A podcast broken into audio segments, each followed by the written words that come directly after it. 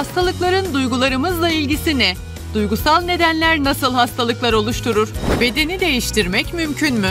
İnsan kendinin şifacısı olabilir mi?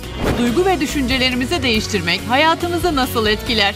Nörolog holistik tıp danışmanı Doktor Kemal Turhan anlatacak. Evet efendim Doktor Kemal Turan bizlerle birlikte hoş geldiniz. Hoş bulduk, teşekkür ederim. Şimdi e, Kemal Hocam aslında yayına başlarken sizle ilgili şöyle bir şey söyledim. Siz nörologsunuz. Burada ne kadar güzelmiş gözleriniz maşallah. Teşekkür vallahi. ederim.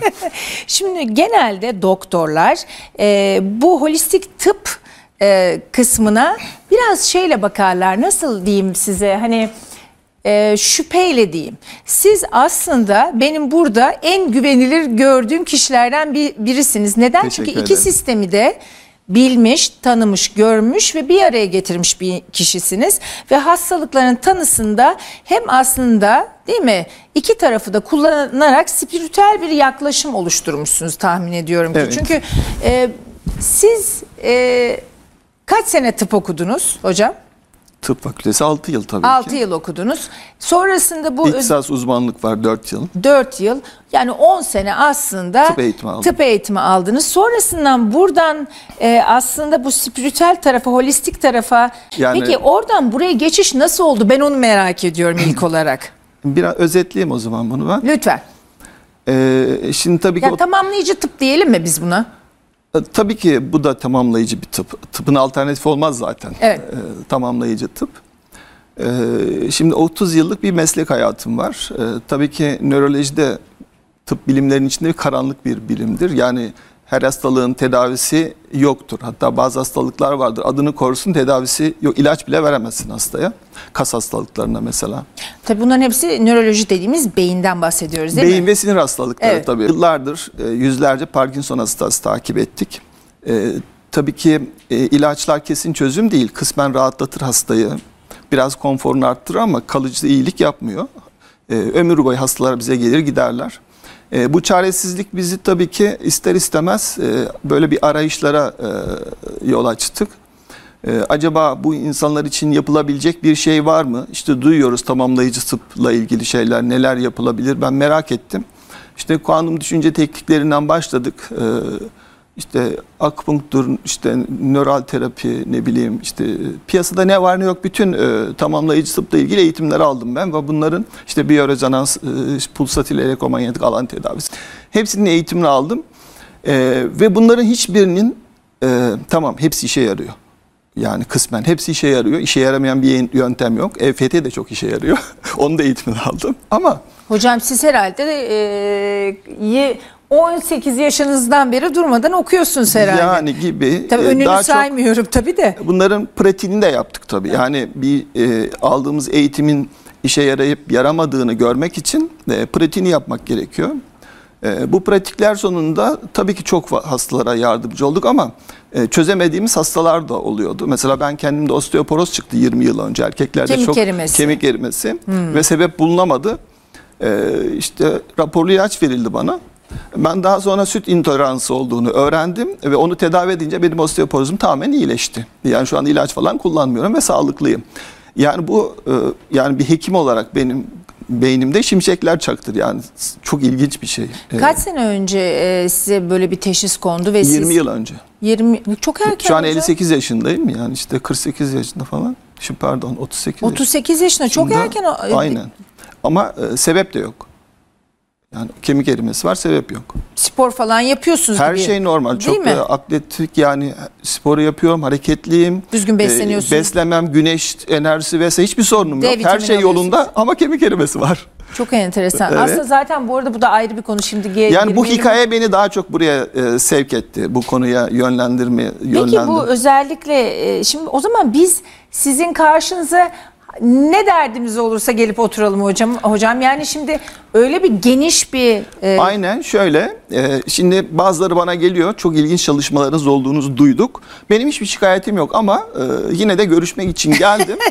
E, çünkü varsa bir e, benim bilmediğim bir durum ortaya çıksın e, şeklinde. ama onlar da hocam kaşınıyor, aranıyor Ama demek bu ki. kişinin bir, e, hemen yani konu gelmişken iki buçuk yaşında bir kızı vardı. E, bu ilginç bir şey. E, bir türlü geçmiyor. Alerjisi var kızının. Evet. E, işte, Alerji çok enteresan e, bir. antihistaminikler işte biyorezonansa gitmiş. Ne duydu yaptırmış ama ne geçmiyor. alerjisi vardı? E, be- sebep de belli değil. Ama kı- kızarıklık, kaşıntı Ha, ne şeklinde döküntüleri var. Evet. E, diyor ki çocuğa çünkü anne çocuk ilişkisinde sorun var. Anneciğim anneciğim anneciğim diyor çocuğa. Dedim ki bir daha çocuğuna anneciğim demeyeceksin. Çocuğun alerjisi geçti. Tek bir kelime. Çocuğuna anne, anneciğim demeyeceksin dedim. Ve çocuğun alerjisi geçti. Çünkü çocuğun anneye ihtiyacı var. Anneyle duygusal bağı zayıf. Bir de anne o yükü çocuğun üzerine yüklüyor. Çünkü beyin duyduğunu anlar. Yani onun ne kastettiğini düşünmez. Peki ben o zaman şöyle sorayım.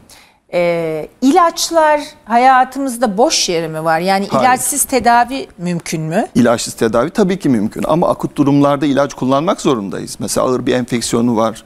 Ee, yani acil durumlarda, akut durumlarda ilaç hayat kurtarıcı bir şey. Peki bu söylediğinizi mesela bu mesela çok basit olmasına rağmen senelerdir devam eden bir sıkıntı. Biz bu konularda kendi farkındalığımızı danışmadan yükseltmemiz mümkün müdür? Danışmadan tabii o kişisel bir şey. Ona kesin bir şey söylemek çok zor. Evet. O, ona aydınlanma deniyor tabii. İnsanlar biraz spiritüel yaklaşmaları gerekiyor. Yani her şey maddeden ibaret değil. Onun arkasında bir anlam var, bir mana var. Mesela demir de maden, işte metal, altın da metal. Ama aradaki e, farkı görün. Biri altın, biri demir. E, işte buradaki anlam çok önemli. Yani e, onun değerinin ne olduğunu, anlamının ne olduğunu fark edip onun üzerine gitmek gerekiyor. E ama yani tabii bu biliyorsunuz çok ciddi arkasından getirdiğiniz çok ciddi bir donanım var. Yani kişilerin sizin kadar donanımlı olması mümkün değil. Ben mesela kendi adıma sorayım. Bir sürü gıda takviyesi alıyorum. Bu gıda takviyelerini almam gerekiyor mu mesela? Şimdi bununla ilgili örnek vereyim. Ben bir depresyon... avuç hap içi. Şöyle ben burada hiç bu konuya e, açıklık getirmek istiyorum. Lütfen. Şimdi benim e, tabii nöroloğuz. Bir sürü baş ağrısı, gerilim baş ağrısı, antidepresanlar kullanıyoruz. Ve bu insanların demir eksikliği anemisi var. B12 eksikliği anemisi var. Depresyon ilacından sonra bunların anemilerinin düzeldiğini ben gördüm. Değerlerinin, demir eksikliğinin, işte demirin yükseldiğini, B12 vitaminin normal değerlere çıktığını çok gördüm. Çok vakada gördüm. Demek ki insan e, ruhsal yapısını, işte motivasyonunu, yaşam enerjisini arttırınca e, vücut e, hayata tutunmak için ihtiyaçlarını kendisi karşılıyor. Yani sizin bir e, blokajınız varsa biraz önce konuşuldu. İşte bir travmanız varsa, içsel çalışmanız varsa ne alırsanız alın geçici onlar. Hatta e, yani aç bir kişi düşün. Depresif çökmüş. Önünden bir nehir bal kaymak akıyor. Parmağını gidip uzatıp ağzına götürülmez. Hali yok. Vücut öyle. Tolstoy'a diyorlar ki depresyonu tarif eder misin? Karşıma bir için cin çıksa diyor. Dile benden ne dilersen ondan bir şey isteyecek halin olmaması. Böyle bir vücuda ne verirsen ver takviye olarak işe yaramaz. Peki böyle bir kişi ne yapabilir? Çünkü o sırada da biliyorsunuz aslında kişi de aslında belki ayağa kalkmak istiyor. Yani gerçek sebebin ortaya çıkması gerekiyor. Yani bu kişi neden böyle? Bunun böyle olmasını ne tetikledi? Bu böyle olmaya neden ihtiyaç duydu? Bir de ihtiyaç söz konusu. Peki şunu da konuşabilir miyiz o zaman? E, diyebilir miyiz? Kişiler hastalıklarında bir e, değil mi bir rol oynuyor o zaman kişilerin Kesinlikle. hayata karşı duruşu. Yani her ne yaşıyorsak, başımız her ne geliyorsa e, sorumlu birinci derece kişinin kendisidir. Ama şu var, kişiler, insanlar daha iyi olmaya isterler ve gücünün yettiği kadar iyi olabilirler. Yani bir tık daha iyi olmak onun gücü yetiyorsa onu olur zaten. Peki- Ama onu olacak altyapısı yoktur veya onu blokajlayan, tutan başka sebepler vardır. Peki O sebepleri bulup yok etmek gerekiyor. Bunu işte e, hocam onu anlamaya çalışıyorum. Yani burada bir blokaj olduğunu bazen de farkına varamıyor. Böyle bir blokaj olduğunu farkında olmayan bir kişi isteği de var. Daha çok başarılı olmak istiyor. Ee, daha farklı bir hayata sahip olmak istiyor. Mümkün. n- farkında değilse peki bunu nasıl başarabilir? Farkı ya bu Şimdi farkında olmak istiyor olamıyor. O Evet. zaman yardım alacak. Mesela benim çalıştığım gibi böyle spiritüel arka plan e, kayıtlara e, bakıp oradaki kayıtlar üzerinden yol alan kişilerden Hmm. e, yardım alacak. Hatta bu sadece sağlık sorununda değil. Mesela iş kurdunuz, işiniz ters gidiyor. Sebep ne? Yani bunu da Bunun mesela bir e, bizle bağlantılı birebir bence öyle zaten de ben tabii değerli izleyeceğimiz adına soruyorum. işimiz, gücümüz, bereketimiz yolunda gitmiyorsa bunun bizde mi bir ilgisi vardır, dış etkenlerle mi bir ilgisi vardır? Birinci derecede bizimle ilgisi var. Dış etkenlerin de etkisi var. Dış etkenler de blokaj sağlıyor. Çünkü e, yani orada bir bilgi alanı var. E, bu bilgi alanı birinci derecede bizi ilgilendiren bir alan.